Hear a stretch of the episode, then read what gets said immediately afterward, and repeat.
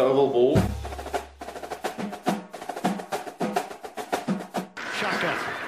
Murray out of the pocket. Seven seconds. Six seconds. Murray heaves it downfield. It is. Oh, it's caught. It is caught. DeAndre Hopkins. Miraculous. I play in the NFL. I think I play in the NFL. I think I play in the NFL.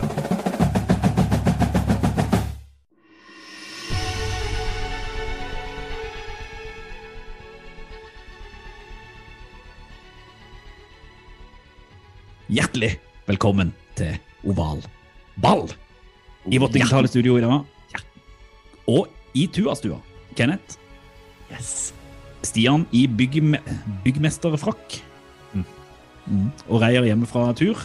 I dag vi kjører selvfølgelig en oppdatering på nyheter. Vi har topp tre. Pontus kom på besøk. Vi skal se framover på hvilke kamper.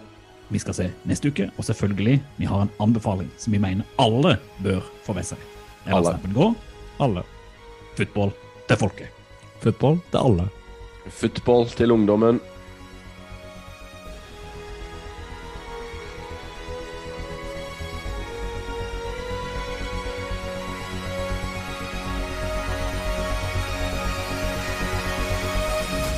Livet, det leves.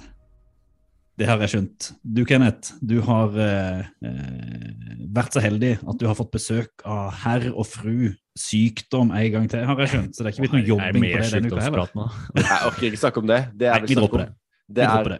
eh, jeg vil snakke om, det er som har gjort det viktigste jeg har gjort denne uka som har gått, det er å følge uh, på altså Oval Balls ukas anbefaling fra forrige uke. Det er nemlig å se uh, Colin in black and white. Det har jeg gjort uh, denne uka. Og jeg må si at du gjorde den anbefalingen ekstremt bra, Reier, for den gjør ikke skam på det du sa. Altså. Fantastisk gøy. Altså, det er ikke tull. Vi prater jo ikke sammen sånn utenom Nei. det her. Så, nei. så de anbefalingene vi får av hverandre, de kommer også i poden. Ja, vi ja, kan ja. påpeke det, at Ja, ja, ja. den praten tar vi her. Ja, nei, altså, men Ja, altså, utrolig bra. Den, den alle som har eh, eh, et hjerte i NFL, uh, må se den. Og, og jeg syns også den passer for egentlig For alle, alle, egentlig. Det er en veldig utrolig bra laga eh, serie. Med Colin som går ut og inn som fortellerstemme i et eget rom der hvor han på en måte ser på sitt eget liv, da, eller ser tilbake på sitt eget liv eh, krydrer det med en del fakta både fra, fra nåtid og fortid. Du Nei, har altså, jo det- 20 studiepoeng fra media på Blindern nå, har du ikke? Så du vet hva du snakker om her. ja, jeg burde kunne noe om det. Men eh, ikke minst det, det som du sa, Reier, om, om hvordan det eh, hvordan det er i USA, altså, med, mellom svarte og hvite, og at, at det er så ille, rett og slett. Altså. Eller var for bare kort tid siden, og sikkert er sånn eh, eh, fortsatt. Det er Jeg jo tror dessverre det er sånn fortsatt. ikke sant? Det er bare at han, han er greier å sette noe Han greier å liksom sette det Det var jo en rettssak her eh, ja. denne uka som eh, signaliserte noe av det vi snakker om her òg. Hvor utfallet var Nei, du kan bare kjøre til en nabobygd og skyte to stykker, og så blir du Ja. frikjent. Så du bildet av han fyren, eller? Og han Ja. rundt med den automatvåpenet? Mm. Ja, for det, nei, altså- det er liksom interessant nok at ja, Nå skal ikke vi gå inn i politikk, da, men sånn som jeg har skjønt, altså, sånn, sett, sånn, sånn, som, sånn som bevisene ble lagt fram, så, så er det visst ikke så helt uforståelig at han ble frikjent. Men greia er jo bare at hadde han vært svart Uansett hva som har blitt lagt fram i den rettssalen, så hadde han blitt dømt. Det er jo liksom det som er USA i et nøtteskall. Ja. Eh, så um, ja. Og det med inst- institusjonalisert rasisme, Oi, da som, bra. eh, En gang til. Ja, som, eh, det gikk jo F, kom gjennom det. Som uh, Kaepernick tar opp, det er jo eh, ekstremt eh, viktig at det snakkes om, og at det løftes opp. Eh, og jeg syns den serien også gjør det på en eh, eh, Ja, den er så fortellerteknisk veldig kul, da. Stilig laga, rett og slett. Så da er det bare å glede seg til neste gang jeg skal komme med en Ja. anbefaling, når jeg skjønner at Kenneth bruker Ja, ja, ja. uka på å bare dykke ned i det. Så det, Det blir altså episode nummer 50 typ, da, at du kommer neste. Ja, ja. Altså, jeg, jeg kommer sjeldent, men jeg kommer godt. Så kan du tenke, tenke koffert på den. Eh, apropos Skal vi inn på Stian. soverommet? Ja, apropos kom, kommer sjelden. Du holder på på soverommet, Stian. Ja, bygger soverom. Ja. Bygger soverom. Er Eh, soverom til dere? Ja, vi har egentlig Da vi kjøpte rekkehuset her, så var det Det var tre soverom her, men det ene var så lite at det gjorde vi om til garderobe. Og så har gutta fått ett, og så har vi tatt det andre. Litt sånn på kompromiss og midlertidig. Det blir jo sånn å ta litt og litt når man først eh, flytter inn. Så nå bestemte vi oss for å bygge soverom på, på loftet her, og eh, har selvfølgelig ikke tid til å gjøre det selv. Da er det litt uh, Nei, det, det går jo ikke rundt om Du må jo på det. ja, må det. Og så er det, det er litt sånn høyt under taket akkurat uh, på loftet for å komme opp på, på mønet, nesten. Uh, så er det vel tre meter eller noe sånt. Og det ned mot trappefallet, så det blir jo enda lenger hvis du legger på en etasje til. Så vi snakker liksom fem og en halv, seks meter rett ned, da, som man potensielt kan falle. Og da syns jeg det er greit å sette bort det til uh, de som ikke er så mm, klønete. Jeg har jo på en måte Jeg la ut litt story fra min tur på en bondegård her nå nettopp. Eh, Jeg vil jo anta at vårt eh, publikum ønsker seg litt stories fra, oppussinga. Ja, Mm. det vil jeg tro. Ja, jeg skal ta bilde av han eh, Rafael, snekkeren, i morgen. Legge ut. Det gleder jeg meg til. Mm. Nei, men det, det blir bra. Det, det tar vel egentlig mesteparten av tiden sånn å skaffe alt av materialer og handle lys, og lys er dyrt, forresten. Ja. Mm. Det er viktig. Mm. En ting som er jo dyrt. Middag. Gourmetmiddag. Ikke i Norge, vel? Ikke i Norge, Nei. i København. For første gang tror jeg på en årstid så har jeg, jeg har gjort noe. Jeg har noe å fortelle om. Jeg har vært på ferie i Danmark, i København. Uten barn. Det er så Og, deilig. og det er sånn, Dere har jo fått oppdatering av det på eh, sosiale medier, spesielt litt seint utover kveldene, når eh, gløggen har blitt drukka og snapsen har blitt fylt oppå, og man går rundt i storbyen og bare Kona nyter tar livet. over kontos. Kona, har, kona tok over sosiale mediekonto og mente at jeg skulle begynne å danse ballett. Så det var jo hyggelig at det vi Det var synd at hun ikke hadde innlogginga til Insta. Insta og Twitter. Ja, det hadde jo egentlig vært Vi kan ekstra. gi henne det. Det hadde vært ganske, ganske morsomt. Nei, så, liksom, så, så På søndag så løp vi rundt da og, og drakk gløgg. Med, det er jo det som er så fint i Danmark. Du kan kjøpe gløgg, og så kan du velge hvilken sprit du vil ha oppi, og så kan du løpe rundt på tivoli og liksom ta karusellet, eh, drikke deg litt full, leke med livet, ta en loop og bare slappe helt av. Og så var det kjempefint, ikke sant, for det er mørkt, det er pynta til jul der, så det er sånn ordentlig, ordentlig koselig òg. Å ta med barna, selvfølgelig, men akkurat nå så slapp vi det. Men det er jo eh, altså eh, kommer til å leve på det et år. Komme ut av Norge, få reist litt, bevege seg, gjøre noen andre ting. Leve livet.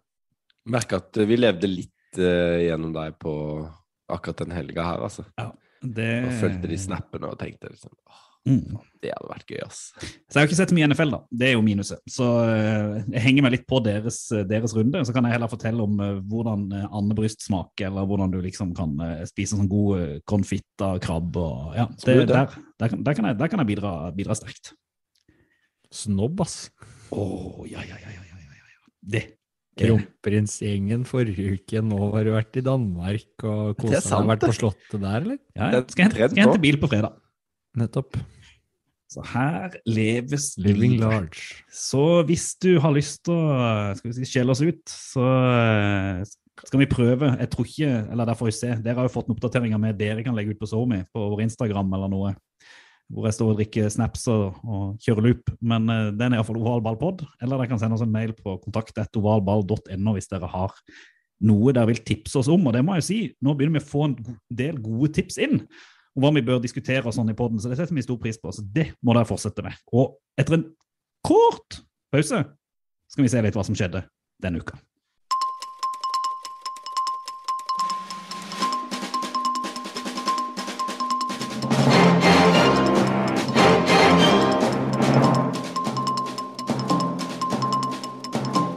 Da er vi tilbake med den flotte spalten Hva skjer i NFL? Eh, og aller først så er det jo viktig å starte med å si at ligaen er kokos. Det er kokos! Koko!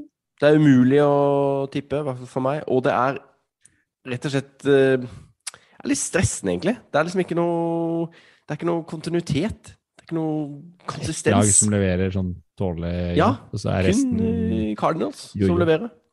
Vi skal snakke litt om eh, Cardinals etter hvert. Og denne, denne uka så har vi faktisk veldig mange eh, Kampene er med i topp tre-lista vår, så det blir ikke så mye vi går innom akkurat i denne Hva skjer-spalten. Men Breaking rett og slett news. breaking news Breaking news. rett før vi gikk på lufta. Eh, og Reier, du kan jo ta oss gjennom the breaking news. Rett før vi gikk på, så fant Giants ut at det å tape 30-10 for eh, Tampa Bay Buccaneers, det er ikke godt nok. Og offensive coordinator Jason Garrett er blitt sparka. Det hadde vel mange likevel forventa, men nå er han rett og slett ute. Mm. Dette snakka vi jo Vi har jo faktisk fått beskjed om å snakke litt om Giants uh, av Mm. våre venner der ute. Uh, vi har ikke snakka så mye om han, egentlig, men uh, det er jo kanskje på en måte det steget man tar når man ikke kan gjøre så mye med treneren som akkurat har blitt ansatt, og quarterbacken, som jo ble tatt topp fire. og Det er kanskje også vanskelig å gjøre noe med GM-en midt i sesong. Hva tenker dere? Vet ikke det er jo i hvert fall eh, kanskje lettere å ta over jobben eller finne en slags erstatter for en eh, offensiv koordinator enn general manager. Da. For den har jo egentlig satt systemet litt, og jeg ser jo for meg at da bytter du jo om på hele strukturen og hele oppbygninga av alt som laget egentlig har satt seg inn i før sesongen. Mm. Og det skal være ganske sånn ekstremt, tror jeg, hvis du skal kaste om på det etter halvspilt sesong. Mm. Men du er rekker ikke å sette noe nytt. Nei, nei, men du må jo ha ny nå, De må jo ha ny Ikke ny, da, men de må jo gjøre noe med Nå skjer det noe i playbooken, ikke sant? Hva har de vært mest misfornøyd med der, da? Jeg tror rett og slett at de sånn som jeg har lest, at de er rett og slett bare misfornøyd at de, de scorer lavt. Altså de, de har ganske talentfull offense, egentlig, men det er bare de får ikke det ut i poeng. Og da kan du skylde på quarterback, du kan skylde på mye, men her virker det som at man skylder på treneren, som rett og slett har ikke greid å få satt de opp med gode nok plays og Mm. godt nok opplegg. det er jo uh, Freddy Kitchens er jo en av assistentene der, så det blir jo interessant om han eh, trer opp i rollen. Uansett, de, i, i nå, nå skal vi snakke litt om uh, Bucks uh, etterpå, men de, den kampen som var i går, så, så hadde de jo faktisk eh, ganske bra lag Giants på banen eh, sammen for første gang sikkert Mm. noensinne. Jeg vet ikke. I hvert fall ikke så ofte de har spilt sammen denne sesongen. Både Galladay og Barkley og Tony og Jones var jo på banen samtidig. Mm. Så ikke som det hjalp så mye. Mm. så det er jo kanskje et Forsvaret til Bucks forståelig er bra. Det er det, men ja, jeg vet ikke. Andre har jo skåret mer enn ti poeng på, på Bucks, så det, det går jo an. Men det er, kanskje, det er jo litt rart at det kanskje vil sparke etter akkurat den kampen. det kan jeg se. De har hatt, de har hatt en litt sånn oppadgående kurve de siste rundene. Så, men det kan være at de ligger der lenge, at de bare venter på en unnskyldning. Mm. Poenget også er jo med, med han øh, med han, Nå har jeg glemt hva han Joe Judge. Han er jo ikke noe sånn uh, verken offensiv eller defensiv coach selv, ikke sant? Han er jo en, egentlig en special teams-fyr som på en måte overser eh, Han caller vel ingen place.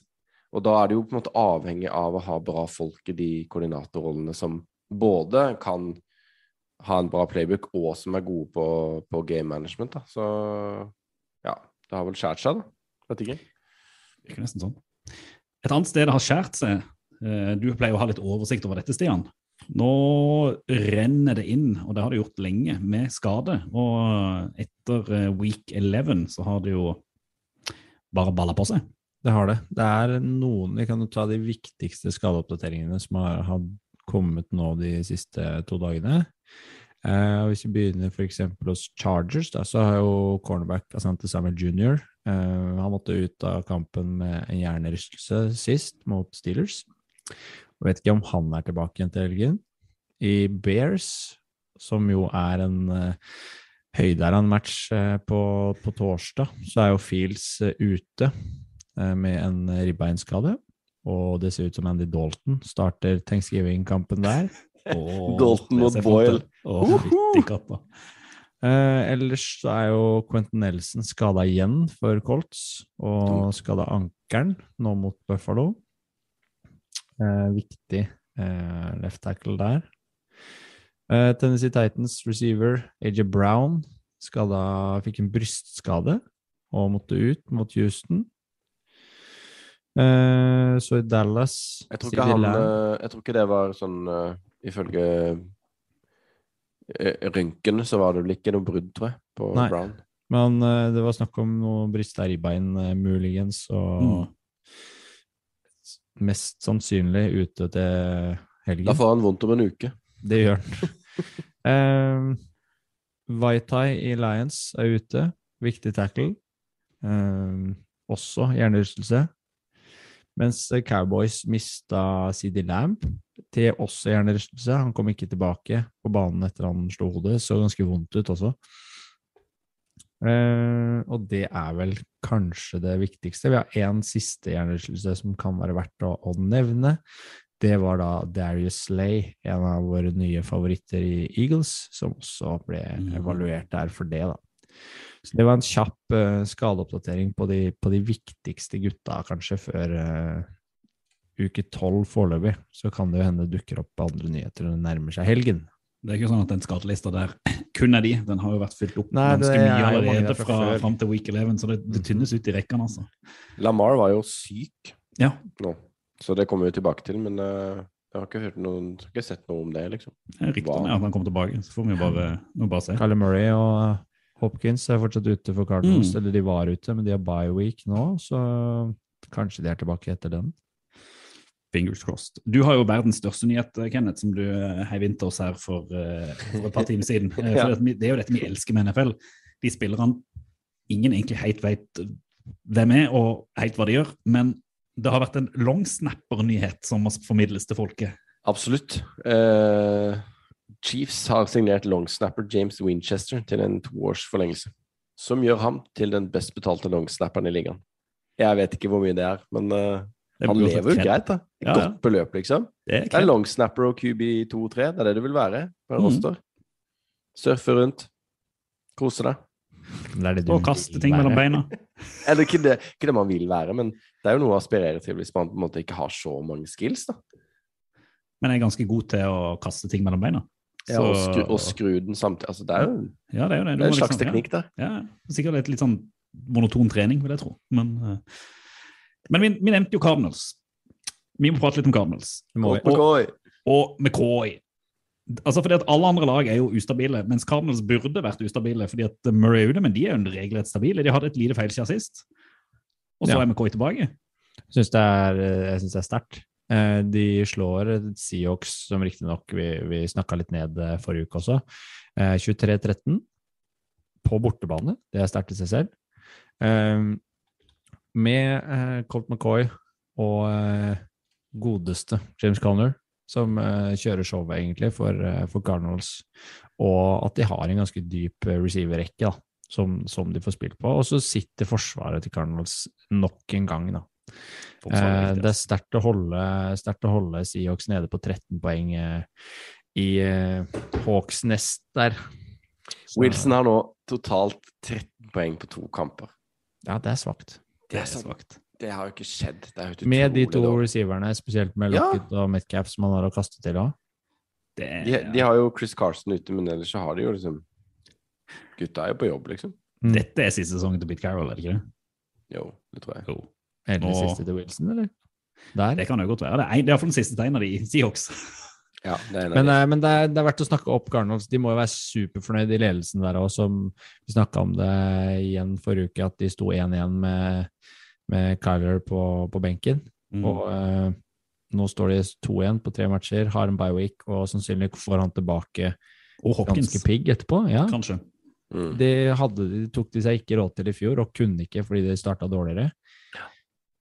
Det ser veldig lovende ut for Cardinals sin del, altså. Veldig. Mm. Veldig lovende. Det er jo et kjempe kjempekult lag, altså. Veldig gøy å se. Noen som kanskje også er ferdig. Det er liksom interessant hvordan ryktene bare sånn Etter én gameweek til, så er det sånn Nå, din favoritt, Kenneth, din, din eh, draft-favoritt, Baker Mayfield Ja, det, nå, nå er det litt sånn at hvis han ikke tar seg sammen nå, så er han ferdig i Browns. det er fire til nå. Ja. For vi Ja. snakka jo om det her, i, Mm. om det var forrige uke eller denne uka. Eller forrige uke eller gangen før der. At eh, jeg sa jo til og med ganske at liksom nå De kan jo ikke ikke gi han ny kontrakt. Hvem andre skal de hente? Men nå er det jo helt sånn eh, disarray der borte. Altså, det, de får jo ikke til noen ting. Altså, de måtte jo ha Jarvis Landry Wildcat for, å få touchdown mot Lions, og de klarte jo på en måte å hente det hjem eh, til slutt, da. Men de hadde jo sikkert tapt mot alle andre lag den, akkurat den dagen, liksom. Og nå kan vi også nevne at Jarvis Landry ble jo igjen- fikk jo en kneskade her sist òg. Så vet ikke om han spiller igjen, så da blir det lite Wildcat og mer, uh, Mm. mer Baker. Men, Men Baker, er jo skadet, også ikke skada, sant? ikke sant? Ja, Han har jo Han har masse jo skader nå. flere Han sliter med, med både et kne, en albue og en skulder og noe ribbeinsgreier, eller? Absolutt. Også, men så er det også det med at Ja, det er jo, det er jo ikke Altså, playoff er jo fullt innafor rekkevidde likevel, da. Eh, og da er det én kamp, ikke sant. Så er det én kamp til gang. Altså, da kan jo alt skje, på en måte. Men, eh, men jeg tror jo at eh, akkurat nå så er jo Browns et av de lagene du vil møte i playoff. Ja, det så fordi- trist ut hvis, du, hvis vi snakker om den kampen her, og ikke de kampene som kommer, da. Så er det så vidt de, de ro, roer land en seier mot det, det svakeste laget i NFL Mm. akkurat nå. Mm. Nei, det var Det er litt skuffende. Det, og så er det litt sånn altså synd på Baker òg, for hvis ikke han spiller og sitter på benken, eh, så er det liksom, da, da er han ute nesten uansett. Da. Hvis, men så spiller han med skade òg, og spiller mye dårligere enn han ville gjort hvis han var skadefri. Så han har jo liksom catch 22, at han, Mm. Han vinner jo egentlig ikke uansett. Nei, han gjør ikke det. Og så nå er det ikke sånn at han kommer til å tape plassen til Case Keenum uansett, men han kommer jo ikke til å få ny kontrakt hvis han ikke spiller. Ikke sant? Så han blir benka nå, og hvor skal han gå da? Hvilket andre lag er det som vil satse på ham? Flere lag som kanskje ville prøvd seg på han da. Det vil nok det, det vil nok det, men, men han vil jo ikke kunne liksom cashe inn, da, som jo kanskje man hadde sett for seg at han skulle gjøre. jeg skjønt, dette er jo sånn jeg ikke har skjønt, men jeg har skjønt at hvis de forlenger det ett år til, så er han allikevel sykt billig i drift, så de kan bruke mye penger på, på andre, Ja men så er det Ja etter Det så er det plutselig må Det heter vel fifth year option. Mm. Noe som Carolina allerede hadde aktivert på Sam Darnold.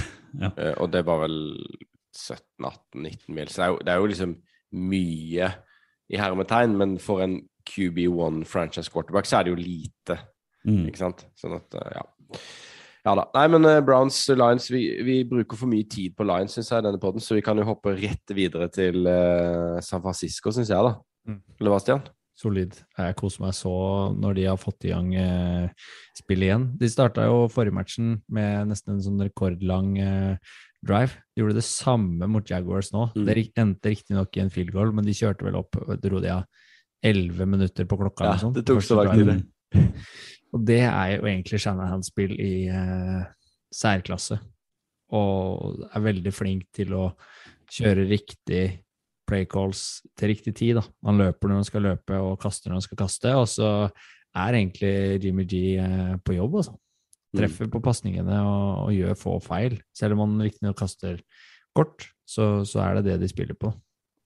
Og Kittel har spilt seg opp, eksempel, som er en viktig brikke i angrepet, som, eh, som de trenger eh, i form for at de skal nærme seg noe Og. Debo, Debo Samuel er jo helt pro Han er jo ja, men nå er han jo en av ligaens beste. Du, du kan jo sette han opp, som vi snakka om Hvor som eh, helst. Ja.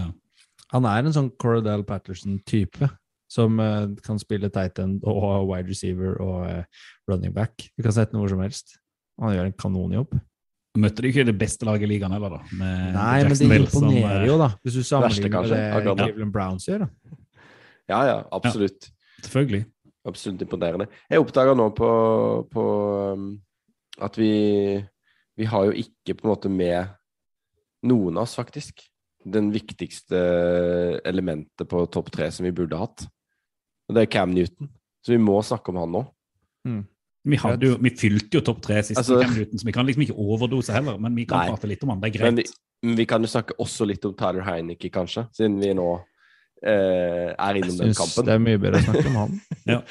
Cam gjorde, en- altså, Cam gjorde en god kamp, syns jeg. da. Altså, han, han gjorde det som kunne forventes av han. Eh, men forsvaret til eh, Panthers gjorde jo ikke det. Og Tyler Hannicky så jo sykt bra ut. Jeg husker jeg snakka han ned der for et par uker siden. Har ikke noen franchise QB. Og så bare OK, to kjempegode kamper, liksom.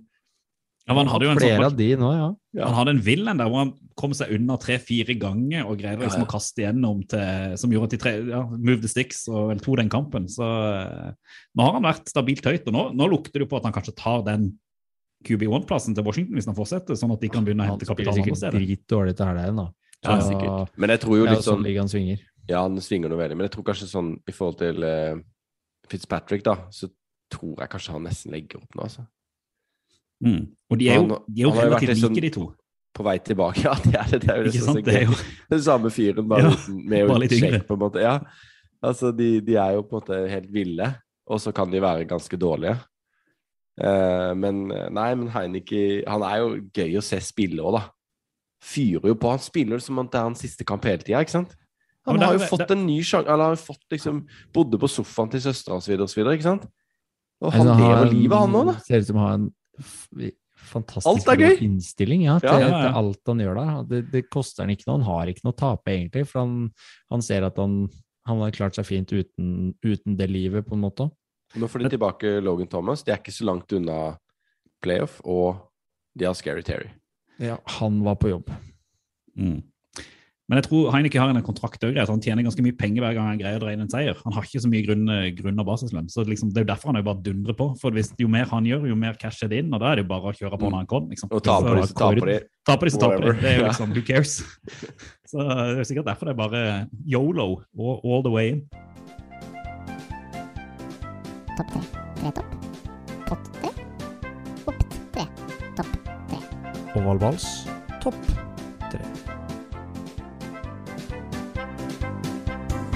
Endelig ukas høydepunkt, iallfall i mine øyne.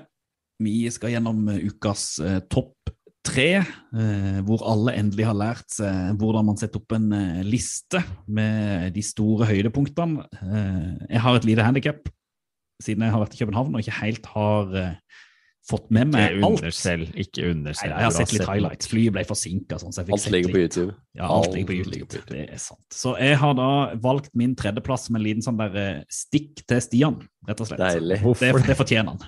Ja. For vi, vi satt jo her forrige uke og skulle sette opp vår sånn der eh, muntlige power ranking, hvor Stian skulle være litt pokker. Jeg, jeg likte jo det da, da, hvor han da eh, mente at Titans er det beste laget i NFL. Og jeg sitter der i København og får noen sånne meldinger på telefonen av dere før jeg får sett det. At det var sånn Hva faen skjer med Titans? Og de er helt ute. Og så måtte jeg inn og se. Jeg hadde jo glemt hvem de spilte mot. Og så møtte de Texans og Tyrod Taylor og ble Ty God, knust. mener du? Ty? God. Ty God. Med Tannehill som spiller sin dårligste kamp i karrieren med fire interceptions. Altså det beste laget, Stian, ifølge din ranking, taper Ja. mot det klart dårligste laget i NFL. ble ikke så er denne ligaen? Må jo si at dere syns jo egentlig det var helt greit valg av meg å gjøre også. Så jeg fikk jo ikke så mye tyn som jeg hadde trodd jeg skulle få for det. Så jeg tar jo på en måte ikke Fikk alt litt det på min Ja, jeg kaller ikke det tyn. Jeg har fått tyn av deg før. Det høres ikke sånn ut. Men, Men- men vi må jo bare altså, litt tapte det. 22-13 Ja, mot altså, ja, Hvis vi sier Detroit er det dårligste laget, så er Houston det nest dårligste. Så by dere, så dere Tygod eh, fløy inn fra touchdown, eller? ja, ja. Fy faen, så høyt! Mm. Ja, altså, det var fint, men det var jo, altså, Titans kasta jo bort den kampen sjøl. De, Ja, ja. altså, de hadde jo ikke receivere, selvfølgelig, men altså, de hadde jo ballen, de hadde jo flest eh, yards. altså alt, de, de, altså, Det var jo bare Tannehill som bare kasta det bort, og de rota bort det var bløtt. Det var Ja. bløtt. Mm. Regna som pokker. Så du skal ikke bare skylde på været, men det har en del å si for en eh, quarterback som sikkert blir litt stressa i situasjonen, da.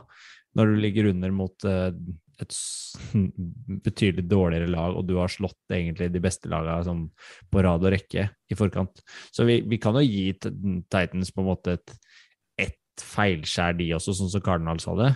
Og så får vi se hva de leverer nå til helgen da, mot Patriots. For vinner de den, så er de jo egentlig tilbake på vinnersporet og tilbake der vi Ja, men nå har de jo liksom mista flere av receiverne sine. og de, altså Skadeutsatt offensivt ser de jo ut, altså ser det ut Forsvaret har jo vært bra, de sleit jo til og med mot Texans, men det var jo mer fordi at offensivet kasta bort uh, poengene. Så jeg syns det er litt skummelt, men nå er den, altså, nå er denne her, eh, grunnen til at jeg egentlig har det på tredjeplass, det er bare definisjonen på koko-liga. Altså, nå er det liksom Mm. alle slår alle, alle taper mot alle. Det er ingen stabilitet utenom egentlig Cardinals.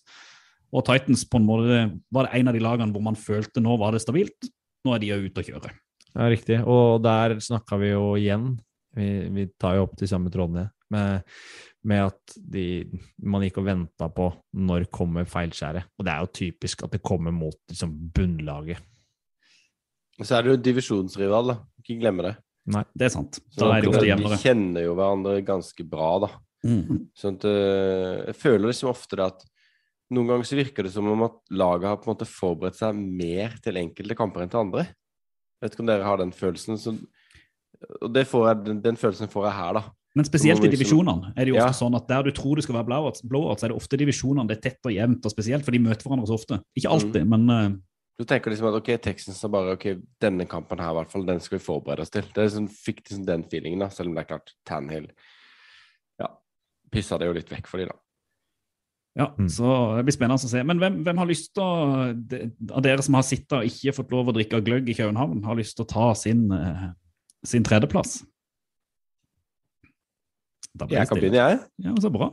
Det er jo koselig, det. Jeg har uh, tatt uh, Min tredjeplass er Bengals mot playoffs. Raiders mot avgrunnen? Spørsmålstegn. Oi sann. Dette var jo en uh, Tabloid.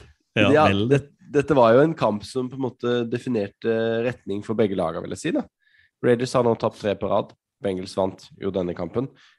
Og jeg må si det var bra for Bengels å få en uh, liten sånn rebound, eller en reboost, eller at de på en måte kom uh, tilbake på vinnersporet uh, mot uh, Raiders. Og de vant jo 32-13, faktisk. Så en ganske overbevisende seier. Og Raiders kommer ikke i gang med offense. Skal ikke dere hylle Carr? Dere pleier jo det. Bengals. Det gjør Bengals. Vi hyller Vi er jo Det er jo litt fortsatt litt car, ikke så mye car mania, mania nå lenger, kanskje, men uh, Han var lei seg på pressekonferansen etterpå. ja, ja, han tok på seg skylda òg. Ja, For alt. det er jo sånn sett Blame it on litt me. redd. Men, eh, Men- nei, han sliter, han òg. Han gjør det. Altså, han, hadde, han, han hadde en topp nå tidligere i sesongen, men nå er han litt tilbake til der han har vært Men- den siste sesongen. Men ikke sånn, er det ikke litt sånn Jeg tenker liksom på at Raiders det, må jo ha noe å si, alt det som det laget har vært Selvfølgelig har det igjennom. Mm. Altså, du- er jo helt, de er jo helt sånn derre For det første så mista de Gruden, og så får man gjerne kanskje en liten opptur med ny trener, og alle skal vise at vi fortsatt er gode, typisk. Og så var det Ruggs. Uh, og han har jo, en, har jo hatt en betydelig rolle i offenset. Mm. Ikke sant? Det er ikke bare å Mm. erstatte det med DeShaun Jackson, som er en aldrende stjerne. Skal bare komme rett inn og gjøre det som, som Ruggs gjorde. Og så, nei, det, det ser jo ikke så lyst ut nå, men uh, derimot så vil jeg jo hylle Bengals sitt. da. Jeg syns jo det ser bra ut for de. Uh, og Chase tilbake, kan vi si det? Ja. Ja. Vi snakka jo litt om det siste, Stian, at uh, med Rookie of the Year Sier det mye nå at vi, vi snakka om det sist? ja, det er deilig, da. Vi bare Mm. henter tilbake Skryt av deg sjøl. Nei, men eh, at, at, eh, at eh, Chase trengte å komme tilbake igjen, da, hvis han skulle på en måte ha noe håp om å bli rookie of the year. Man må godta litt som varierende prestasjoner av de unggutta. Det Ja. kommer til å gå i bølgedaler. Altså. Eh, men jeg har bare, bare lyst til å ta ett poeng til når, når vi snakker om Raiders. Fordi de har jo kanskje ligaens eh, i hvert fall topp tre tight end i Darren Waller. Ja, Og fantastisk. jeg syns, ja, men jeg syns ikke de klarer å få utnytta potensialet hans godt nok i den klubben. Men det snakkes jo om at han kanskje bør trades, eller eh, det bør gjøres noe med han når ikke du utnytter han bedre. Mm. Han hadde jeg- et vanvittig catch der. Ja, han hadde det, men han leverer jo på en måte ikke like mye poeng som han Hvis du sammenligner med Travis Kelsey i, i Chiefs, da, som egentlig er på det nivået han er på. Absolutt. Absolutt. Men jeg, jeg hopper da til eh, min nummer tre, og da skal vi til eh, en ja, Jeg vet ikke om vi skal si at det var årets kamp heller, men Steelers Chargers For de av dere som har sett den, det var altså en igjen kongematch. Og jeg har lyst til å bare hente ut et sånn et play som jeg mener snudde egentlig liksom stemninga i kampen helt. da. Og det er uh, punt-blokken til uh, Miles Killebrew. Og jeg er veldig sånn, fascinert av puntblokker generelt. Da. De gutta som får pressa seg gjennom eh, linja av beskyttelsen til punteren og får kasta seg fram og blokka det. Det blir ofte noe dramatisk, noe helt vanvittig kult eh, trøkk i matchen etterpå. Mm. Og der eh, henta jo Killerbrew fram igjen. Eh, så ble jeg sittende og søke litt på YouTube på han etterpå. Og han har hatt flere av de da han spilte i Detroit frem til denne sesongen her. Og man ser jo hva, han, hva som bor i han når han får henta fram den puntblokken. Da sto det 13-27 òg til Chargers, og Steelers så egentlig ganske fortapt ut. Men de går jo egentlig fra 13-27 og opp i ledelsen. Ja. Mhm.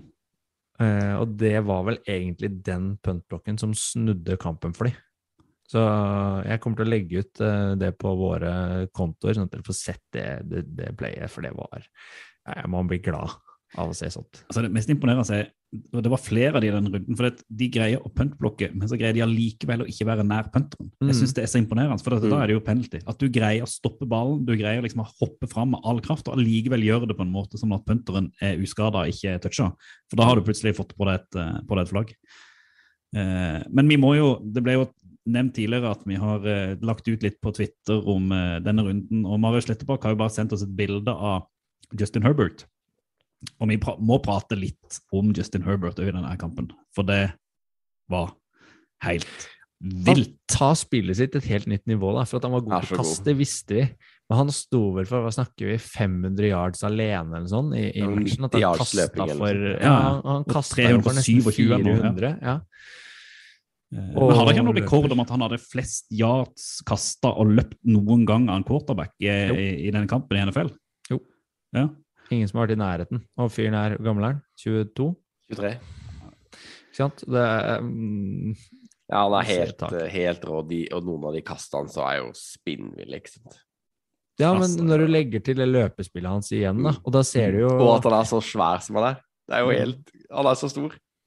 Og der må man si Steelers var uten både TJ Watt, de var uten Minka Fitzpatrick og eh, hadde ikke hadde et litt sånn skadeskutt forsvar, men sto allikevel ganske sånn greit opp mot eh, mottaksspillet og løpespillet til, eh, til Chargers. Ja, eller Eckler satt vel tre eller fire touchdowns, da, så det var kanskje ikke så bra, men de sørga jo egentlig for at Eller utfordra Herbert til å løpe.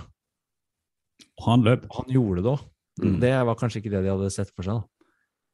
Jeg syns det var dritkult, rett og slett. Og, den, han, snudde, han snudde jo den kampen, Mm. og Chargers tok den seieren.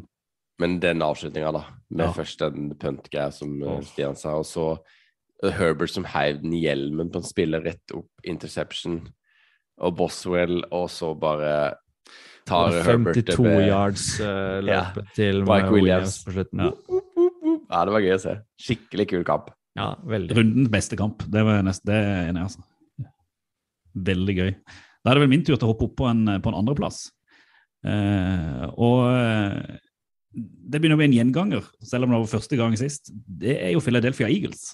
Fordi at plutselig har det skjedd noe med Philadelphia Eagles. eh, Og eh, Jalen Hurts enda på et nivå som gjør at han sikkert blir QB1 i Eagles. Eh, Et Eagles som plutselig har fått til det offensive, eh, i tillegg til at de har eh, Darius Slay som løper rundt der og er kanskje verdens kuleste forsvarer i, i Forsvaret. Og så møter de da Uh, Saints, sånn som jeg har forstått, er ikke noe statistikknerder, men skal da være det nest før denne kampen, det nest beste laget i rushing defense. Uh, og så bare løper Eagles gjennom dem. Og da er det Jeg bare, jeg bare rett og slett sykt imponert over hvordan de har greid å snu i den klubben, som var egentlig ute å kjøre i begynnelsen av sesongen, og nå har bygga opp både et forsvar som ser habilt ut, et offensiv som ser ut til å løpe igjennom og bli kasta gjennom nesten alle lag, og hvis de fortsetter sånn, så begynner de nesten å se ut som en, altså en playoff-contender og kan gå ganske langt. Så en liten bare en sånn der eh, applaus til, til det Eagles har, har greid å få gjort. Jeg syns det er kult. Og de er gøy å se på akkurat nå. Mm, Hurts eh, ser jo kjempebra ut. Så Mm. det er gøy at vi har vært på den eh, vogna en stund. Så Fin nei, vogn. han løper bra. Og Eagles har jo Hvis, hvis Hurts er liksom mannen for fremtiden nå, så sitter de godt i det, altså. For de har en del draft picks eh, neste år, ikke sant? Har ikke de tre i første runde? Jeg lurer Jo, på det. Jo, ja, ja. Eh, og Tenk da- hva de kan bygge våpen til han, da. Og spesielt hvis Dolphins eh, Nå gjorde de det Vant jo de nå, da, men hvis de gjør det dårlig, så får jo Beagles et eh, ganske bra pick der òg.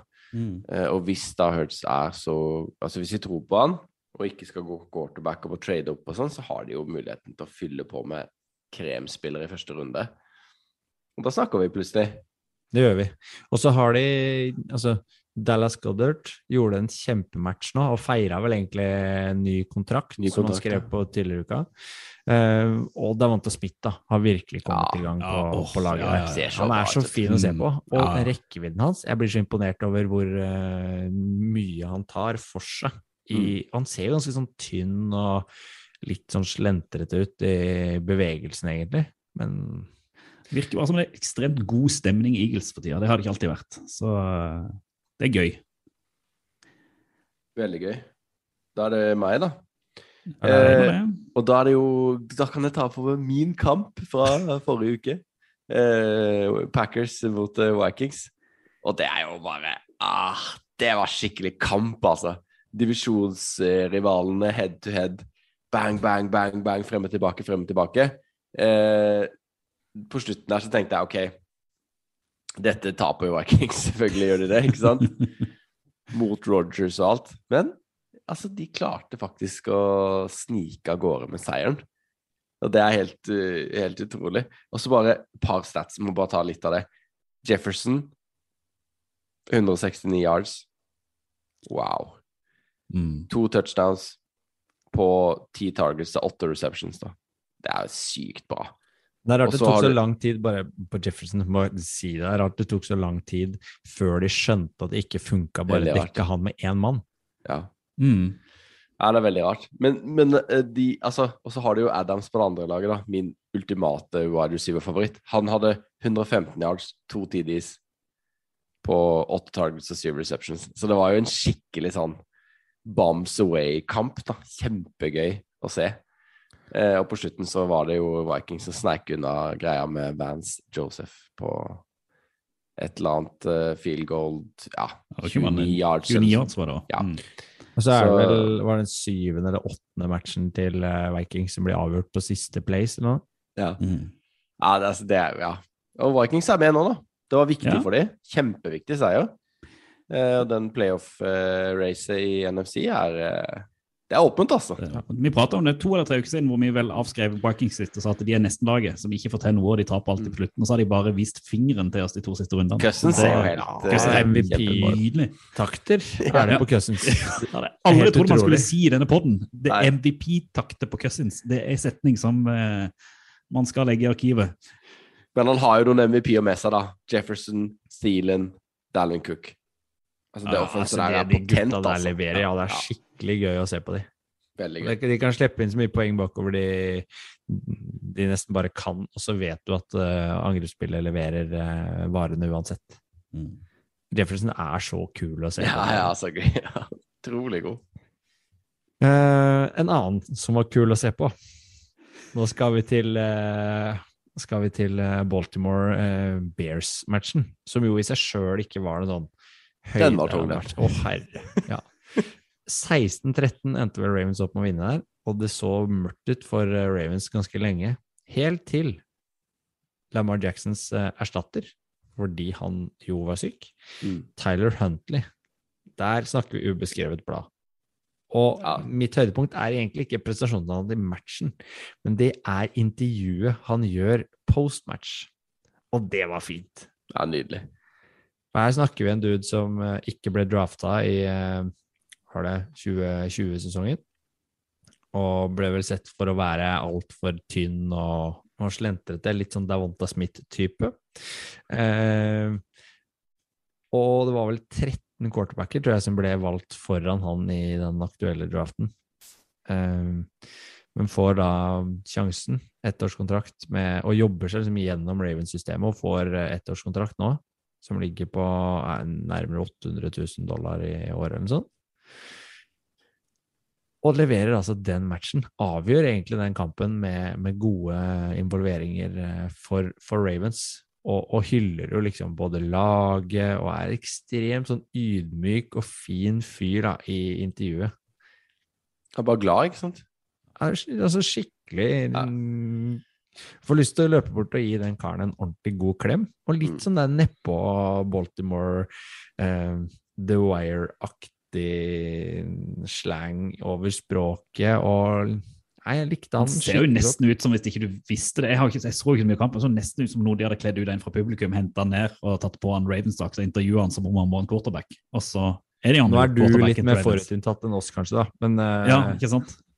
Nei, det, er jo gøy å se, det er jo gøy å se Ravens Altså, han Harbo, han lar seg ikke affisere av noe, føles det som. De bare Nei, så Ja, lot de- dem han få de bestemme solid, altså. litt selv. da. Han titta Ja. bort på benken og fikk, eh, fikk lov til å diktere opp og sette opp siste play sjøl.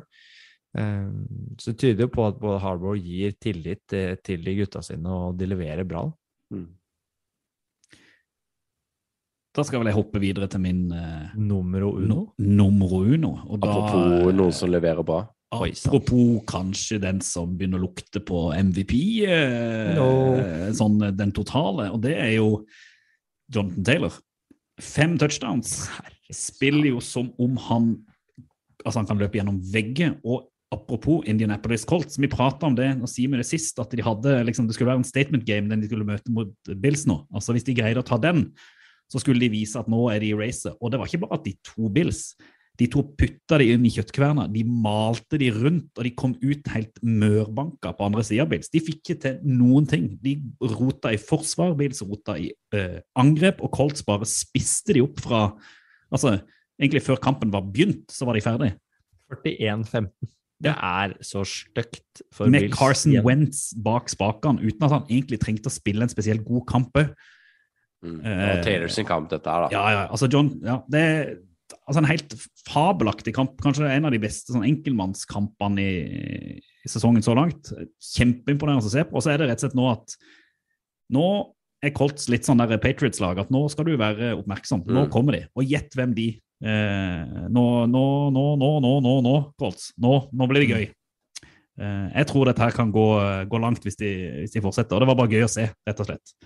Det, nå skal ikke vi prate så mye framover, men altså De skal møte Bucks i neste runde. Det kommer til å bli en høyder, altså. Og jeg tror de kommer til å ta den òg. Jeg tror de kommer til å grinde i stykker Tom Brady, og jeg tror de kommer til å knuse de under thanksgiving. Men det kan vi komme tilbake til. Jeg tror nå er det bare det er ingenting i veien. Taylor kommer bare til å løpe. Det er jo når de taper, da. Det er jo sånn ligaen har vært. Ja, men eh, ja, Nei, nå har jeg bare full tro. Full tro! Derfor helt på toppen av min liste. Tipp Ja. mot da neste gang. Tipp mot Colts neste gang. Eh, og da, da går, kan vi jo gå sømløst videre til min nummer én, som jo er eh, nemlig Tom Brady.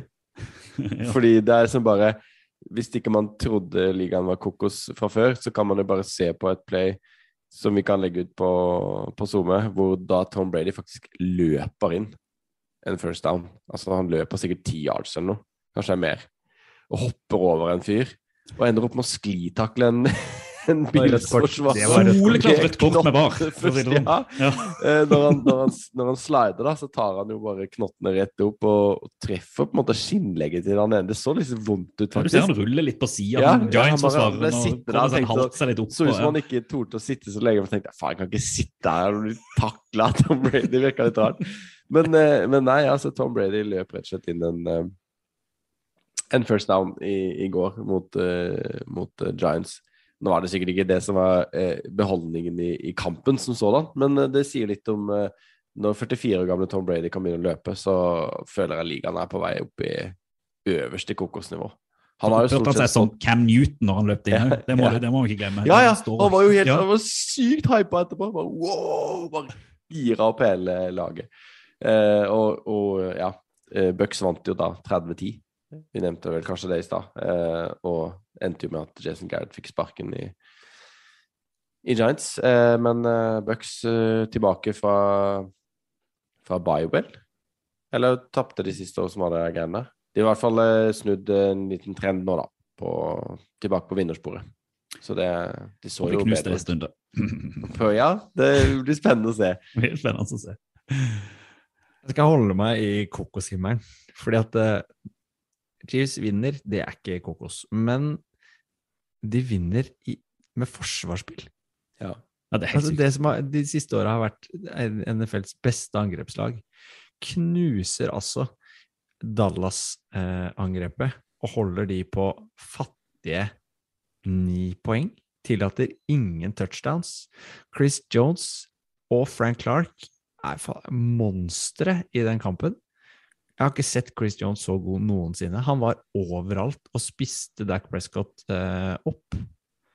Og det var så fantastisk å, å sitte og se den matchen her. Ikke fordi den var så god angrepsmessig, men, men det forsvarsspillet og Steve Spagnolo eh, på, på sidelinja til eh, Chiefs, han må bare få all, all honnør som mulig kan gis av Andy Reid, for det er han som har vært med på å snu den eh, Chiefs-skuta der skikkelig, altså.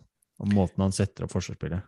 Ja, for det forsvarsspillet har jo vært en skikkelig akilleshæl hele sesongen, og så plutselig nå så er Nå har de jo hatt tre-fire kamper på rad òg, hvor de har levert jevngode prestasjoner og unngått skader. og Nå syns jeg de ser farlige ut, selv om angrepsspillet fortsatt lugger litt. Så med det forsvarsspillet de leverer der, mot kanskje igjen det beste angrepet i Og har vist seg kanskje å være det beste angrepet i NFL frem til nå, det var eh, et skudd for baugen for gutta dine, Kenneth Carlsen. Ja, men jeg, jeg lurer mer på en annen ting. Er dette samme Frank, Frank Clark som ble tatt med Uzi før sesongen? Mm. Han er rett og slett tilbake igjen? Mm. Ja. Han trengte bare å slå som steam. Det gikk greit, det, da. ja, det gikk jo bra, det. Alt går greit borte i statene. Nei, men Ja, nei, altså, jeg, jeg er jo enig i at Cowboys fikk seg en knekk der, og det Men, ikke sant? De mista jo Amari Cooper rett før Rett før Rett før, Rett før. før kampen eh, med korona. Og Sid Lamb fikk den uh, hjernerystelsen, var ikke det kampen som gjorde at de mista enda et target til Jo, og det virka som de, de Altså, når de dobla på Lamb, da, så hadde de kanskje ikke så mye å svare med. Wilson fikk vel en del uh, targets og fikk vel ganske mange yards, men det, er jo, det sier jo litt om, som vi har snakka om før, også hvor sårbart det er. da, Hvor mye marginer det er i den sporten. Og jeg tror jo kanskje altså, Det er jo mye spekulasjoner, men Cowboys hadde jo sett litt annerledes ut med Amari Cooper på banen. mm. Hvor de kunne brukt s- åpna større deler av playbooken. Eh, Ja, men jeg syns måten Chiefs åpna matchen på der da. De gikk jo rett opp og skåra touchdown på første Først så stoppa de Dac Prescott, som starta med ballen. de så veldig bra ut i begynnelsen. Og så feide de ned og skårte touchdown med Kelsey på, på første driven. Og da så det egentlig ut som gode, gamle Mm. Chiefs, da. Mm. Eh, på måten de satte. Det er synd Det kanskje var det eneste spillet egentlig de gjorde som var i, i godt, gammelt slag. Men, men da så Mahomes veldig bestemt ut på, på måten han gjennomførte både kast og place og, og hvordan de satte opp systemene sine. Terry Kill hadde en kjempematch forrige runde og, og var ganske god denne matchen her òg. Og skaffer mye yards for de og, og tar opp mye plass. da. Mm. Så Kansas City Chiefs eh, er fortsatt helt oppi der, og nå leder de jo som sagt divisjonen sin og, og kommer til å være med helt der oppe. Freeman from the 30. Flag is down. And Raymond has run out of bounds. Another flag comes in at the 32. There are six flags on the field. Da har vi fått tilbake favorittsvensken. Og aller først, før vi liksom går inn på ukas flagg og det som skal være pass interference-pratet, så jeg har lyst til å uh, bare fortelle om en episode som uh, skjedde her uh, fredag morgen etter Thursday Night Football. Pat spilte, spilte jo match natt, natt til fredag, og her i Norge så er det jo ikke alle som har tid og mulighet til å, til å sitte oppe om natta og se. Og, og Pontus er jo en sånn dude som eh, han skal se hele Patriots-matchene, men sjelden så får han sett de direkte. Og innimellom så bytter vi litt på følger til skole, og har, vi har jevngamle sønner som går i samme klasse. Og da fredag morgen så skulle jeg ha med hans sønn i bilen på vei på, på skolen, og det første Pontus sier når han følger liksom sønnen ut der, er det er ikke god morgen, det er ikke liksom hei eller noe hyggelig, det er bare hysj, ikke si noe, jeg, jeg er bare pause, du må, du må være stille, ikke si noe, ikke si noe. Så skjønner jo det, Pontus, at uh, du var gira på at jeg holdt kjeft, for det gikk jo bra igjen. Ja, ja, altså, og så var det jo sånn Jeg skjønte jo hvilken vei det var på vei. De ledde jo 13-0 i halvtid, liksom. Så, men, men ja, det er fortsatt gøy å ha den her lilla kjenslen liksom, i Mm. kroppen når du titter på kamp. Ja, du hadde Eh, liksom, så- liksom blikk som små barn som får godis på, på lørdagen. eh. Ja, det er litt sånn. Mm. For det, det er noe spesielt når du liksom ser på et lag som, eh, som du har litt følelse for. Når, liksom, når det går bra eller dåligt, når det er jevnt og sånne biter. Eller dåligt så kan jeg slippe det ganske lätt. Eh, Så engasjert er jeg ikke, men, men eh, når, når det går bra og det er typ jevne kamper, da kjenner man det virkelig i kroppen. liksom. Og det er, det er gøy. Og du får, det er ikke alle kamper du får sånn, spesielt ikke når det er typ så her. Er det veldig ujevne kamper, da får du ikke så mye. Men når det begynner å være jevnt på slutten, da kan jeg ikke sitte stille lenger. Du må reise deg opp og gå rundt litt, grann, og du bør kjenne myrer i kroppen. liksom. Mm. Det er liksom absolutt, absolutt verste kampen, eh, eller og beste eh, kampen. For det er jo, det er jo gøy, liksom herlige følelser å ha. Det er nå den eh, Apropos torsdagskampen, Patriots Falcons, eh, Superbowlen. Den var berg-og-dal-bane mange ganger om. Ja, men solid holde eh, Falcons til null, eh, vinne 25-0. Det er, Vi snakker jo et av de beste lagene i NFL akkurat i øyeblikket. Ja, de, de har veldig de verkligen kommit samman nu och de spiller jo, som de sier eh, vad är det de kaller det for? Eh, när de, eh, ja, de spiller egentlig bra hele laget, både offense, defense og special teams. För du skal ikke glemme special teams. Special teams fokuserer de, ganske mye på Patriots. og det er veldig viktig. For det er mye gjemte eh, gömda, heter det, yards der. Eh, om du får eh, 5, 10, 20 ekstra yards på, på punts og kickoff og sånne biter. Det gjør veldig mye. han eh, Han der Slater har vel vært sånn ni Pro Bowls på rad eller noe sånt. Han special, ene Ja, special teameren Matthew Slater, ja. eh, Matthew Slater. Ja. Så, så det er ikke noe tvil om at det er eh, fokus i, i New Nei, England. og man hører jo Belichick snakke om en, viktigheten av en god punter veldig, veldig ofte når han uh, har pressekonferanser. Og stort sett de dokumentarene jeg har sett òg, så er det det, det virker nesten å være favorittposisjonen hans. Ja, det, det kan man nesten tro. Men det, det, ja, det, det är väldigt viktigt. Och det, Matthew Slater, som, eh, han står jo listet som wide receiver. Jeg tror jeg gjennom årene har sett han typ som wide receiver kanske fyra, fem spill eller noe sånt. Det er ikke så ofte han er ute på wide receiver. Han er i stort sett bare special teams player. Og de fleste NFL-lagene har jo tre stycken special teams player. Det er eh, long snapper, det er kicker og det er punter.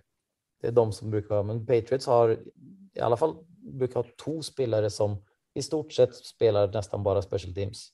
Og Matthew Slater er vel en, nu vet jeg faktisk, vet jeg faktisk ikke om de har kvar han eh, Bethel, men han spilte også veldig lenge som, som special teams player. Vi, det er også gjerne må- ja. ja, det, er også gjerne in, det er også gjerne inngangen for mange spillere.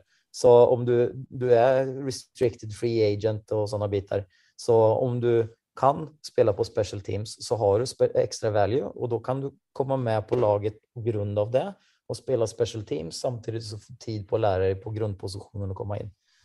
Eh, Julian Edelman er et perfekt eksempel på Mm. det. Mm. Han var punt returner, en veldig god punt returner. Uh, og da hadde de uh, Welker hadde de da. Jeg husker faktisk ikke første året som, uh, som Edelman spilte. De hadde Welker, troligvis Randy Moss kanskje, om det Mm. var såpass tidlig. Men da kom han inn og var punt returner og spilte special teams. Og eh, sen så fikk han möjlighet att å sig og få relasjon med, med, Patri- med Tom Brady og spela receiver. Og ble en skikkelig god sånn. Og var vel quarterback i college òg, Edelman. Det var han. Precis som eh, eh, vad heter han, Mayers som de har nå. Han var också quarterback tror jag i, i college. Det, det finns en del sådana spelare som duger inte riktigt till att vara quarterback. Förmodligen inte rätt störelse och sådana bitar. Eh, men da konvertere til wide receiver eller noe i NFL. Hva, vi må bare ta det etter neste gameweek og Potters, som møter Patriots eh, hva skal vi si, et eh, Titans-lag som gikk på et overraskende eh, tap nå eh, denne inneværende gameweek. da. Hva, hva tror du om eh, Patriots muligheter hjemme mot et revansjesugen Titans? Det, det kommer bli en, jeg tror det kommer bli en hard kamp. Eh, det kommer være mye, mye mye løping. Spiller jo Eh, liksom muskelfotball, eh, Titans òg. Ja, de gjør det begge två. Så trench war kan man vel kalle det, kaller det. Så det, ja, får se hvor mye de klarer av på å gjøre andre ting òg, da. Nå har jeg ikke så peiling på, men Titans har jo et veldig bra forsvar, men jeg vet ikke vad, de, er, hva de er best på, pass eller run eller liksom de bitarna. Nå var jo attackera. Ikke best på Nei, han er ikke best på no, noen. De, de sliter jo offensivt med mye skade. Men du skjønner, vi, vi spør jo lytterne våre hver, hver runde på, på Twitter hva vi skal prate om. og da er det en av våre lyttere, Jesper Eidem Sørensen, som, som har et veldig behov for at vi må innom Matthew Juden og defenset til Patriots. Og der, altså, du kan si, altså Patriots er blant de beste lagene i NFL, men kan man, kan man nesten tørre påstå at defense Patriots nå er blant topp tre, topp én? Altså så gode som de har vært nå de siste kampene?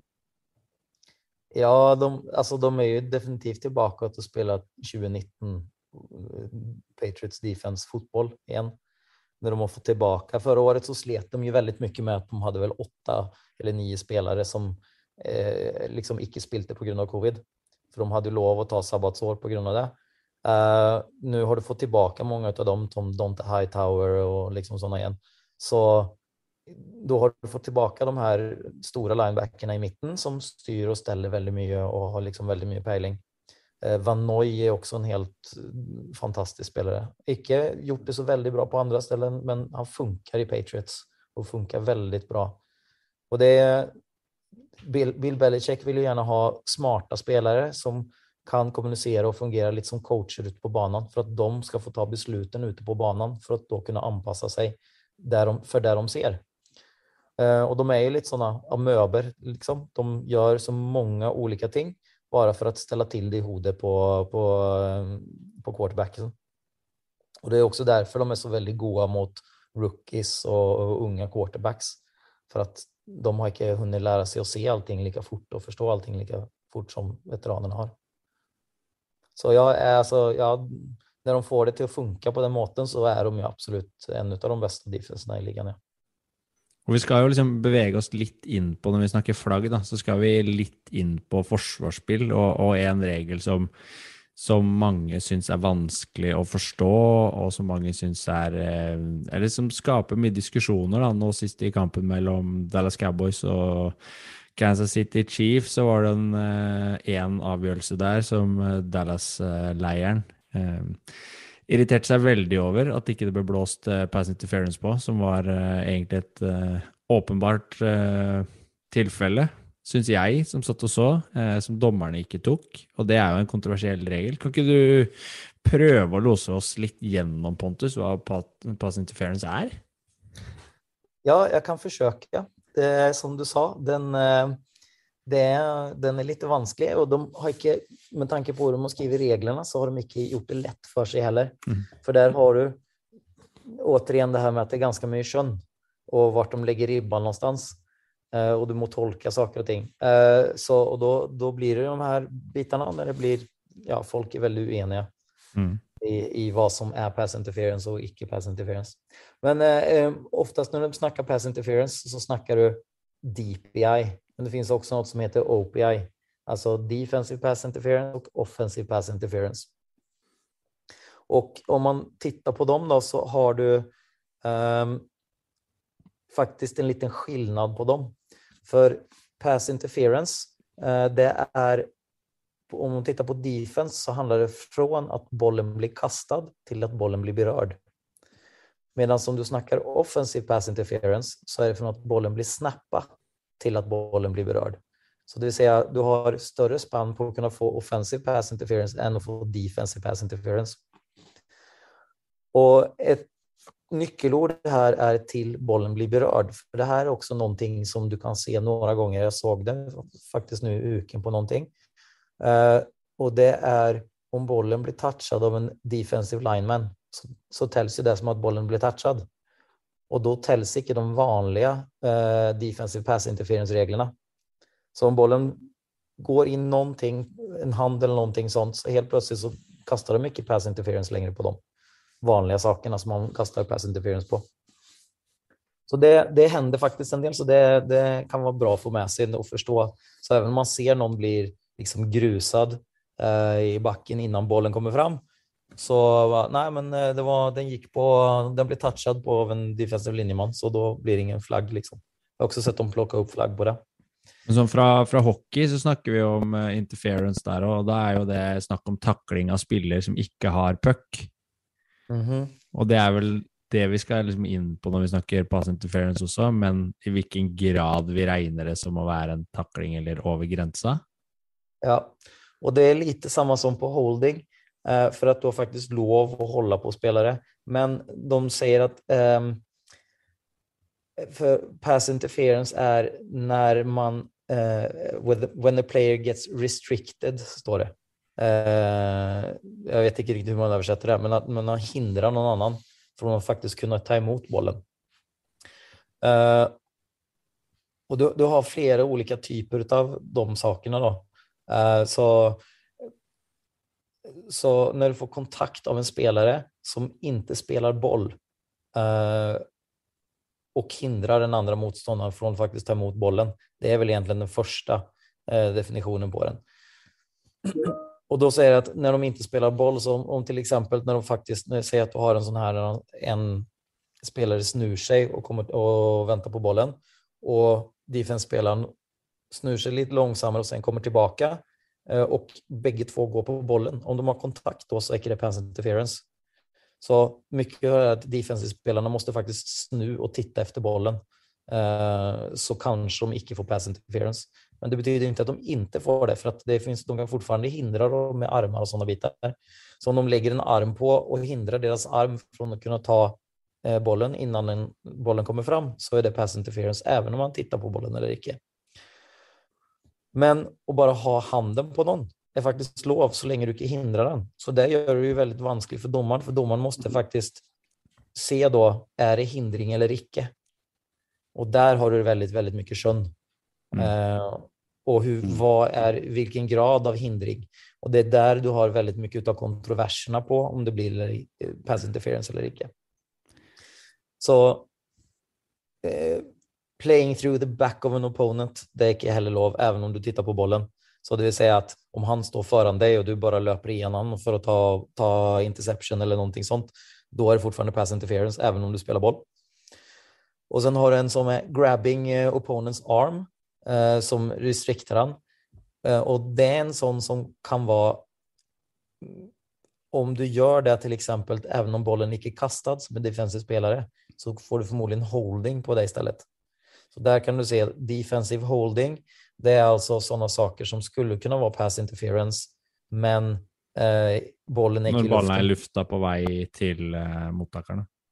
Yes. Och där har du också en annan eh, viktig ting då i det här att eh, det är ikke pass interference of, om bollen inte är, eller uppenbart inte är catchable ut utav dem som det blir på.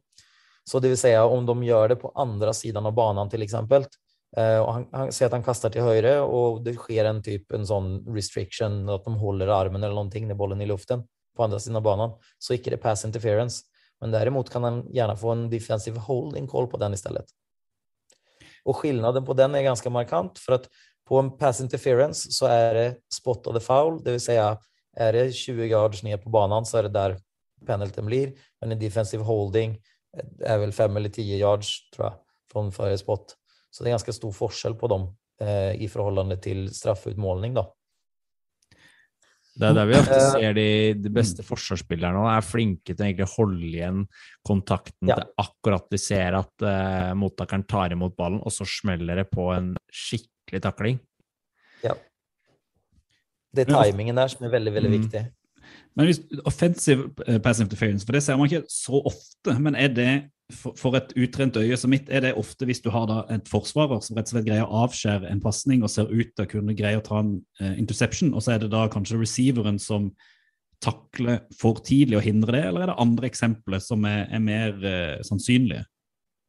Ja, den vanligste utav offensive pass interference, Uh, det er jo initiating contact uh, with shoving or pushing off.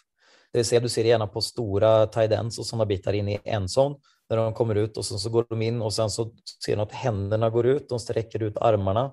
Då är det pushing off för att få, eh, för att få vad heter det, separation. Receivers som typ kuttar ut eh, eller in från en annan och liksom pushar iväg. Det är offensive pass interference.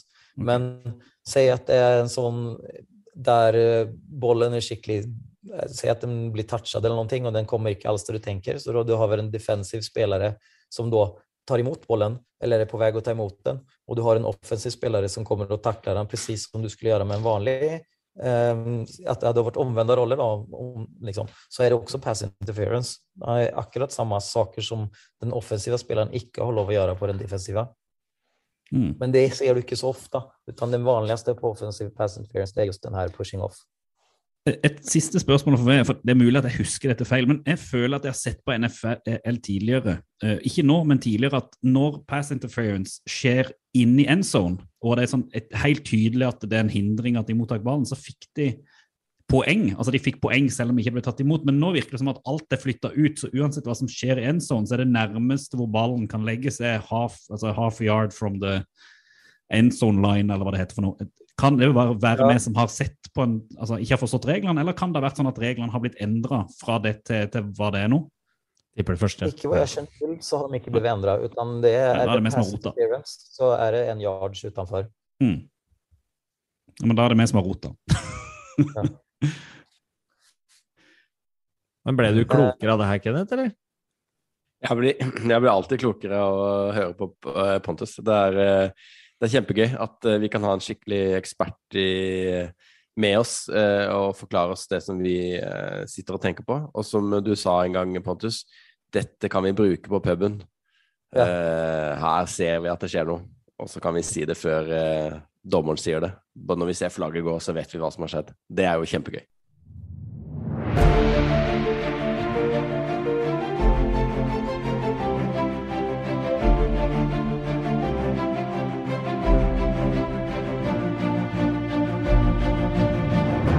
ovalball.no kan vi stolt presentere ukas dypdykk, som har ligget ute noen dager allerede. Har skapt ganske mye irritasjon på eh, Twitter, spesielt fra vår egen Kenneth Carlsen, som hylte ut i frustrasjon til vår egen Daniel Jeremiah, altså Sander Daling, som har skrevet en eh, liten tekst om de rookiene han syns har vært eh, best, både offensive og defensive, eh, i år. Og Kenneth, kan ikke du iallfall kort siden Sander ikke er her, bare i alle fall gjenta litt hvorfor du var så frustrert når du leste den for det første veldig bra teksten av Sander. Men det Ja, var ja. én ting som mangla. altså, jeg sier ikke noe på teksten. Jeg sier bare noe på at uh, jeg har et problem med at uh, Najee Harris ikke er med på lista. Uh, og så var jo det en liten spoiler, selvfølgelig, så vi trenger ikke liksom å si nødvendigvis hvem som er på lista. Eh, I hvert fall ikke på alle plassene. Men han har da fem offensive rookies og fem defensive rookies of the year, som han rangerer fra én til fem, eh, med noen sleepers. Uh, og jeg syns jo at uh, Najee Harris definitivt hadde fortjent en plass. Sander svarte tørt på Twitter 'Hvem vil du ha ut?' Så jeg Og bare du svarte jo egentlig at du hadde ikke noen du kunne ta ut. Jeg, bare, jeg, jeg tenkte inni meg Det er ikke min liste, er det det? men så, det er klart at de er gode, de som er her. Eh, men jeg er jo veldig Najee Harris-fan, så det, det vet dere jo. Så jeg ville hatt han med uansett. Hvis du går inn på ovalball.no, så ser du jo at den har skapt eh, kan man si, eh, irritasjon, frustrasjon eh, og spørsmål fra andre lesere som har kommentert i selve teksten. Så jeg håper jo at eh, alle der ute som har lyst til å lære eh, av de flinkeste blant oss, gå inn og les teksten fra Sander Daleng på ovalball.no. Hyl ut om du er enig eller ikke enig, og så tipper jeg at vi skal få en på, på her om ikke altfor lenge til å prate litt om disse tingene. Vi satser på det. Og det er jo sånn at det som man kanskje lærer mest av, av sånne lister som dette, det er jo den defensive. For det jeg på en måte husker når jeg begynte å følge NFL sjøl òg, så er det jo, det er jo offense du legger merke til først. Det er det du på en måte begynner å forstå og bli kjent med spillerne og quarterback og wide receiver, running back. Men, eh, men etter hvert så setter man jo pris på et veldig godt forsvar òg. Eh, og det å se disse navnene her, så lærer man noe. Det er jo det som er så fint. Det er det beste jeg har hørt. Dette er gøy. Det der, det er fett. Oval ball anbefaler. Aldri en oval ballsending uten at vi anbefaler ting til folket. Og du ser hvordan det går f.eks. For, for Kenneth. Når man får en anbefaling, så bruker man hele uka deretter til å prøve å sette seg inn i den. Og denne anbefalinga her er vel det næreste oval ball vi noen gang har kommet. Eller til å anbefale oss sjøl, Stian. Ja, vi skal anbefale oss sjøl. Ja. Det er helt riktig. Vi skal på watchparty på ball på Oslo. i Oslo. Ball på Oslo i Oslo. Som nå Ball heter Oslo ovalball. Ovalball Ja. i Oslo. Eh, førstkommende torsdag 25. november fra 17.30 blir vi å møte på ball. Vi uh, lader opp til storkampen Bears Lions som starter 18.30, uh, sammen med vår uh, broderpodkast Pikkbrekk. Kalle dem storebror, må vi vel egentlig være så ydmyke å gjøre. Mm. Eh, det blir quiz i forkant av match. Det blir en eh, tippevariant, og generelt Jeg liker ikke å si det, men god stemning. Det er, ikke sånn at den første, det. det er ikke sånn at den første kampen innbyr til liksom fullstendig ha haraball, så eh, god stemning og- blant oss blir det. Ja. Møt opp. Do it. Skal du se på? Hva skal du se på? Rundens utvalgte. Ukas utvalgte. Vi kommer ikke unna å se et skritt fremover, ikke bare oppsummere, som vi egentlig begynte å bli ganske gode på. Eh, og nå nevnte vi jo at Bears Lions er verdt å se på ball med oss eh, 18.30 førstkommende torsdag. Eh, der skal de også vise en kamp til. Og du kan følge Raiders mot Cowboys også fra 22.30 på ball. Der kommer vi også til å være til stede. Og resten av helgen, da? Hva, hva bør vi se, Reier? Nei, altså, for de som har sittet og lytta litt på podden, så tror jeg de ganske åpenbart hvilken kamp jeg mener man skal sette seg ned og se på. Ja, the bottom of the bottom. Nei, altså, Tom Brady mot eh, Carson Wentz, Jonathan Taylor som skal løpe i stykker forsvaret til Tampa Bay Buccaneers. Altså, det kommer til å bli en kjempekamp å følge på, på Red Zone. Eh, kjempespent på, på Colts, som eh, har sett helt hurra meg rundt rundt. Spille hjemme mot et Bucks som har kanskje snudd en trend, men har sett litt eh, eh, ujevn ut. Akkurat som jeg sa om Colts og Bills sist, så sier jeg det nå òg. Altså, dette er statement game. Tar Colts denne her òg, da er de helt der oppe. Da kan de lukte både på playoff og, og på andre ting. Eller så kan det være at Bucks nå viser at de tross alt er eh, title defenders og viser hvor skapet skal stå. Så eh, gleder meg. Jeg kan jo ikke tippe, men jeg tipper på Colts. Jeg tipper på Bucks. Du har gjort det, da. Du lagde til. Ja, jeg, jeg er på, på seinvinduet. Eh, to lag som eh, har litt å bevise. Og det er eh, Rams mot eh, Packers. Og det er jo på et vis en slags statement game også. Det, altså Packers eh, leder jo ganske klart i divisjonen. Men ett tap til nå, så det er ikke noe gøy, det. Og Rams uh, trenger å vinne. Så dette er en, en ekstremt viktig kamp for begge lag, faktisk. Så det tror jeg blir beholdningen i, i det seinvinduet, i hvert fall for meg. Gleder meg. To solide forsvarslag eh, også. Eh, Bra trenere som kjenner hverandre godt Mm. fra tidlig, fra tilbake i tid. Så Hvem vinner? Ah, Packers. Lambo Field. Ja, jeg tror de tar det. Snø, ja.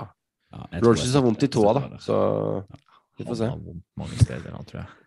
Har OBJ vel noen sjamaner han kan ringe, som kan uh, Vondt i covid. ja. Siste Ja. eh, valg. Jepp. Ja. Eh, vi snakka litt om uh, Titans Patriots eh, med, med Pontus i stad, så jeg, har ikke tenkt å velge den, faktisk. Men, men det er også en match som, som man kan se. Honorable man mention. Honorable Ja, mention. Ja, absolutt. Mm. Men jeg heller også litt mot steinvinduet. og Nå, nå har vi snakka litt om 49ers som er på vei i form. Vikings som drar i land etter hvert eh, litt sånn knepne seire. Så jeg kommer nok til å sitte og se Vikings eh, 49ers, altså i eh, San Francisco, eh, kommende helg. Jeg tror den kampen eh, blir litt definerende også for eh, 49ers også, for nå, nå må de vinne en av de toppmatchene og, og vise den, den samme altså, trøkket og, og viljen og, og bestemtheten som de egentlig har hatt nå de to siste matchene, og kjørt opp løpespillet sitt, som de har ordentlig fått i gang. Og Debo Samuel må fortsette å levere, og Garoppolo må i hvert fall levere på samme nivå, om ikke bedre, hvis han skal matche Kirk Cousins. da. Og Det er litt morsomt å, å se den, det offensive som vi snakka om i, i Vikings. Det er jo verdt eh, kampbilletten i seg sjøl. Ja, det er et generelt ganske kult signvindu. Altså, det er Eh, generelt kul runde. Altså, det, Ja. se, se hele runden hvis dere går inn og ser hvor dere ser på kamper. Altså, Ja, jeg trenger ikke anbefale noe. utrolig mye. Altså, alt. nei, alt, Stil- alt, se altså, alt. ja. Du har jo i tidlig vindu Ja. Steelers Bengals er jo kjempeviktig divisjonsoppgjør. Eh, Så det her er det bare å benke seg foran eh, apparatene. Søndag klokka 19. Eagle Giants tror jeg er jo dritgøy. Og eh, ja, ja, ja. Og Cam mot Eh, altså, eh, ja. Chargers Så Broncos på, òg. Altså, masse, søndag masse, masse så må gøy. du se altså Da må du se Red Zone. Og. Oscar Tansen avslørte jo nå i uka som var, at han, Ja. han går ikke på do i løpet av Red Zone. Det må være et sånt skritopplegg. Syv timer, liksom. Ja, ja. Er det noen som kan gjøre det selv Kan gjøre det? Ja. Ja, han gjør det òg. Han ser military ut. Så, eh, nei, jeg tror det blir, det blir en nydelig runde, og det er jo kjempegøy at vi skal møte alle dere der ute på første kampen den torsdagen. Det blir stasj. Ovalball. Fotball til folket. Det som skulle være en kort og konsins episode, har dratt ut, men nå er vi ferdig. Og det Det er er jo godt, sånn at vi kan forberede oss til å se fotball om bare et par dager. Eh, det blir godt å få deg til Oslo, Kenneth. Så vi håper at sykdom gjør at du ikke blir hengende igjen i Grimstad. Det får vi håpe. Jeg møter Jeg blir jo Du er jo alltid av ansiktet hovedalibi. Ja, du er frontmann. Jeg har blitt det. Jeg, jeg kommer sånn, jeg kommer sånn Squid der, Game front, ja, det var absolutt en Squid Game-referanse. Jeg å bli han, han snobbete sossen som dukker opp der i dress altfor seint midt ute i kampen etter et julebord. Så uh, Ja, nå er det, det er Fiffen med Krompen, og det er København-tur og gourmetmiddager, og så skal du komme i dress på pub. noen Det er så deilig å ha noen å hate. Så der ute, legg det på meg når jeg kommer. Det går helt fint. Men øl skal det drikkes. Det lover jeg. Det ordner vi. Jeg sier bare vi gleder, jeg gleder meg til å se dere. Jeg gleder meg til å se dere der ute. Eh, For Pontus med spørsmål under kampen, for han kommer òg om eh, regler. Og, Og send inn til oss, så vi kan ta det opp i podden. selvfølgelig. Og så skåles vi på ball. Football til folket. Football til folket. Football til folket på ball. Do the Titans have a miracle left in them in what has been a magical season to this point? If they do, they need it now. Christie kicks it high and short.